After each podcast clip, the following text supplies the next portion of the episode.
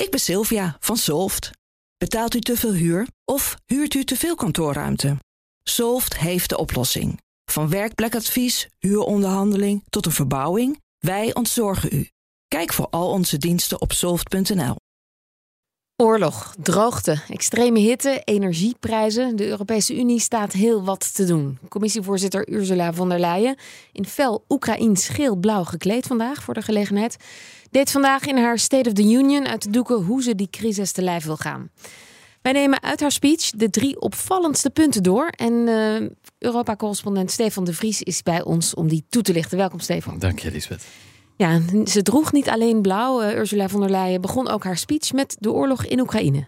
With the necessary courage and with the necessary solidarity, Putin will fail and Ukraine and Europe will prevail.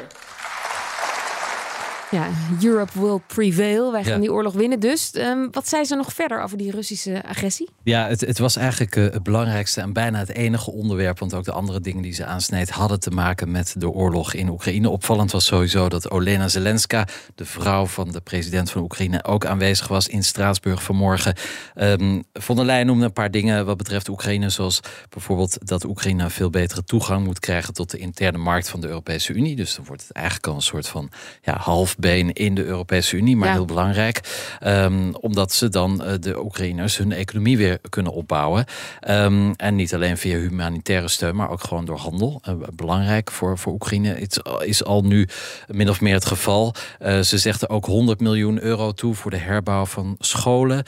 veel scholen zijn natuurlijk verwoest. En ja. ja, de toekomstige generatie moet geholpen worden. Dus 100 en, miljoen daarvoor. En zei ze ook nog iets over die sancties tegen Rusland, Europese sancties? Ja, ze zei uh, die are here to stay met haar uh, bekende Duitse accent. Uh, die blijven dus totdat de economie van Rusland helemaal is drooggelegd eigenlijk. Dit is tijd, zei ze, voor vastberadenheid en niet voor verzoening. Dus ja, die sancties die blijven. Nou, volgende belangrijke, misschien wel belangrijkste punt. De ja. energie. Nou, de prijzen gaan door het dak. We zijn nog steeds erg afhankelijk als EU van Russisch gas. Dit zei ze daarover. Making ends meet is becoming a source of anxiety for millions of businesses and households in the European Union. Nou, de problemen zijn inmiddels duidelijk. Ja. Maar hoe gaat de Europese Unie die energiecrisis aanpakken? Werd ze daar echt concreet in? Nou ja, er zijn natuurlijk uh, al veel ideeën die de afgelopen maanden de ronde deden. De laatste weken wordt het allemaal wat concreter. De winter is er nog niet, maar iedereen is toch al een beetje aan het bibberen voor wat komen gaat. Um, uh, von der Leyen, de Europese Commissie, wil de energiemarkt hervormen. Dat is al een langere ambitie. Uh, de prijs van gas en elektriciteit moet losgekoppeld worden. En burgers moeten geholpen worden met lagere energieprijzen. Nou, mm -hmm. dat zijn de ambities. Um, maar hoe dan? Ja, dat, uh, daar hebben we het zo meteen even over. Uh, wat ik ook opvallend vond trouwens, in die, in die lijst met, met ambities, had ze ook een opvallend mea culpa.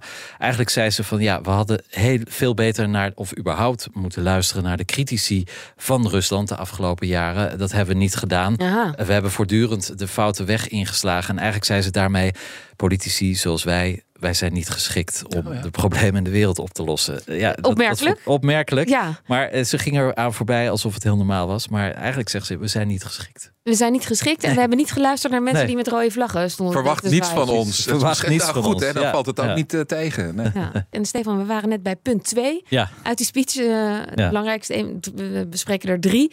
de energiecrisis. En mm -hmm. gisteren, dat was toen al bekend, stelde von der Leyen een prijsplafond voor. Ja. Ze wil dat de winsten van bedrijven die nu heel veel verdienen aan die energiecrisis, die wil ze afromen en terug laten vloeien naar de Europese consument. Don't get me wrong. In our social market economy, profits are okay. They are good. But in these times, it is wrong to receive extraordinary record revenues and profits benefiting from war and on the back of our consumers. In these times, profits must be shared and channeled to those who need it most. Ja, de winsten worden afgeroomd. Ja. Het gaat dan ook voornamelijk over de opwekkers van duurzame ja. energie. Ehm, ja, hoe gaat dat er in de praktijk uitzien? Ja, uh, ook al uh, na haar mea culpa net ook wel weer opmerkelijk. Want eigenlijk zegt ze ja, de vrije markt die werkt niet. dus nee. waar de Europese Unie op is gebouwd. Maar uh, ja, technisch gezien is het geen prijsplafond. Hè. Dat circuleerde wel de afgelopen weken. Er komt dus geen maximumprijs voor gas en elektriciteit. dat bleek op te veel weerstand te stuiten. Maar er komt eigenlijk een soort ja, een, een omgekeerde prijsplafond. Het is een, eigenlijk een afroommaatregel.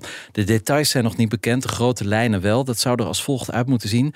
Op dit moment boeken vooral de uh, opwekkers van schone energie, um, zoals wind en zonne, maar ook kernenergie en waterkracht, enorme winsten zonder dat hun kosten zijn gestegen. En dat komt weer door uh, de extreem hoge gasprijzen. De elektriciteitsprijs is daaraan gekoppeld, dus ja, ja. die gaan omhoog en ze krijgen heel veel geld binnen. Zonder nou, dat ze iets extra's hoeven doen. Precies, en dat moet losgekoppeld worden, maar dat is een hele lange termijn kwestie, dus dat is één oplossing. En een meer korte termijn oplossing, dat is dan het belastingplan of de solidariteitsbijdrage, zoals het iets minder pijnlijk inmiddels heet. Uh, von der Leyen zei dat het verkeerd is om te profiteren van de oorlog over de rug van onze consumenten. Dus wat er moet gaan gebeuren is dat boven een bepaald niveau gaan winsten terugvloeien naar een fonds. Maar hoe dat eruit ziet is nog niet duidelijk. Geschat wordt dat het gaat om 100 tot 140 miljard euro winsten dus, superwinsten van die, van die elektriciteitsbedrijven. En dat wordt dan weer verdeeld onder de 450 miljoen Europeanen. Uh, okay. Hoe dat in de praktijk gaat werken, dat is nog onduidelijk. Het is ook natuurlijk heel ingewikkeld, want je hebt te maken met lange termijn contracten, met ja. lokale belastingtarieven, ja. noem maar op. Maar 30 september dan komen de ministers van Energie bij elkaar in Brussel. En dan gaan, gaan ze dat uitwerken. Ja, precies. Maar eigenlijk zegt ze, ja, winst maken is oké, okay, maar nu even niet. Ja, precies. Dat is wel echt een breuk met de benadering uit het verleden. Ja, zeker. Het is, de Europese Unie is natuurlijk uh, volgens heel veel critici eigenlijk alleen maar een interne markt. En alles is erop gericht om zo goed mogelijk zaken te kunnen doen binnen die interne markt. En geen overheidsbemoeienis nee. te hebben. En nu zegt de Europese Commissie. En ook trouwens heel veel lidstaten. Ja, die markteconomie die werkt niet meer. Die werkt niet in tijden van oorlog. Dus we moeten iets anders verzinnen. We gaan ingrijpen. Laat ja. ons maar even. Laat ons maar even. Maar dan ook nog eventjes over uh, de waterstofbank. Ja, interessant. Die, ja, ja. Die, die kondigde ze aan. Die bank die krijgt 3 miljard euro ja. in kas. Uh, dat is dus een alternatief, een alternatieve ja. energiebron. Uh, wat is het precies? Nou, de EU wil in 2030 jaarlijks 10 miljoen ton hernieuwbare waterstof produceren in Europa zelf. En om dat te bereiken, ja, dan moeten we een markt natuurlijk creëren, maar ook productiecapaciteit. Nou, die nieuwe bank die kan dan de aankoop en de productie van waterstof garanderen. Mm -hmm. Dus dan wordt het interessanter voor bedrijven om te investeren. Um, ja, en dat is dus eigenlijk een soort hefboom uh, om waterstof serieus uh, een kans te geven in ja. Europa. En Ka Tweede Kamerlid Silvio Erkend voor de VVD, die ja. net in onze uitzending dat die bank maar in Nederland moest komen.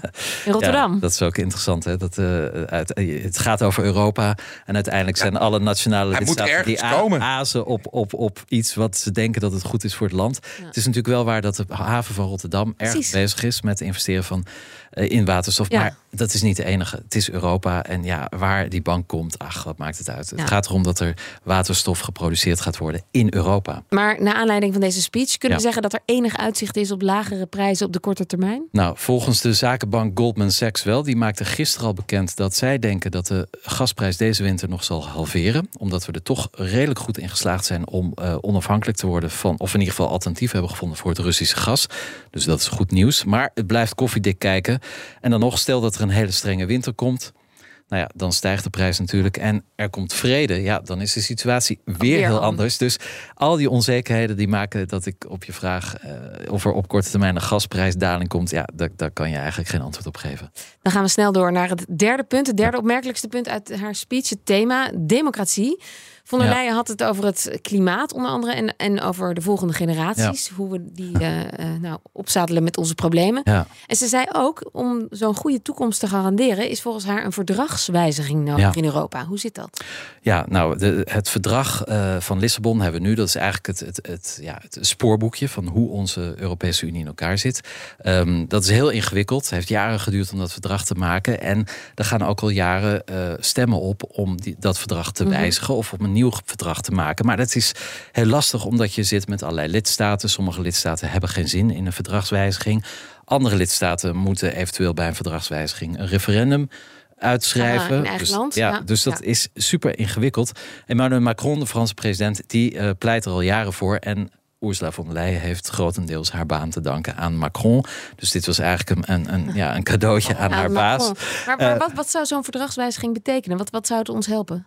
Nou, kijk, het punt is dat eh, we zitten nu onder het verdrag van Lissabon. Dat is eh, gesloten, of dat was van kracht sinds, is van kracht sinds 2009, dus 13 jaar. Best lang als je het vergelijkt Mhm. met andere verdragen. En in die tijd is de Europese Unie en de wereld heel erg veranderd. En om aan die veranderingen eh, te kunnen beantwoorden, moeten we dus op een Ja, andere manier functioneren. Ehm, Onder andere over dat vetorecht gaat het. Ja, bijvoorbeeld. Of eh, nou, we hebben ook een lidstaat verloren. We kunnen geen lidstaten eruit zetten. Dat hebben we nu een probleem met Hongarije en. Polen. Ehm, dus allerlei dingen eh, moeten gewoon gewijzigd worden, omdat de wereld verandert. Maar dat kost heel veel tijd. En politiek ligt dat echt heel ingewikkeld. Eh, zij stelt dus ook voor om in dat nieuwe verdrag, maar dit is gewoon een politieke uitspraak natuurlijk, dat er een garantie moet komen voor solidariteit met de volgende generatie. Nou ja, ik Zo denk- noemt zij dat. ja, dat Ja. zegt ze. Ik, ik denk dan persoonlijk, ja, de enige manier om solidair te zijn met de volgende generatie is om geen volgende generaties meer te maken, want we maken er een puinhoop van. Maar goed, maar daar deze- gaat zij toch niet over, over onze kinderwens? Nou ja, ik denk dat het een subliminale boodschap is, want ze heeft zelf zeven kinderen, dus misschien zit daar wat achter. Maar ja, eh, solidair met de volgende generatie. Stop gewoon met baby's maken, dan zijn we klaar daarmee. Het is, het is natuurlijk Wel een een hele nauwe, enge uitleg van eh, de ja, solidariteit. Nou ja, het, het, is, het, het gaat ook niet veel verder dan dat. Want hoe ziet dat er dan uit? Moeten we een boete betalen als onze ge- volgende generatie Hm. problemen heeft? Zijn we al dood? Dus het, ja, het is een rare, een rare Een raar- raar- onkel. Maar wel te begrijpen als je haar politieke achtergrond kent. Nou, het ging over democratie, over energie en over Oekraïne vanmiddag of van, vanochtend bij Ursula von der Leyen. Dankjewel, Europa-correspondent Stefan de Vries.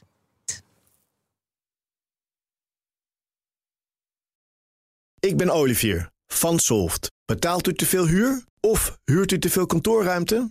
Solft heeft de oplossing. Van werkplekadvies, huuronderhandeling tot de verbouwing. Wij ontzorgen u. Kijk voor al onze diensten op soft.nl.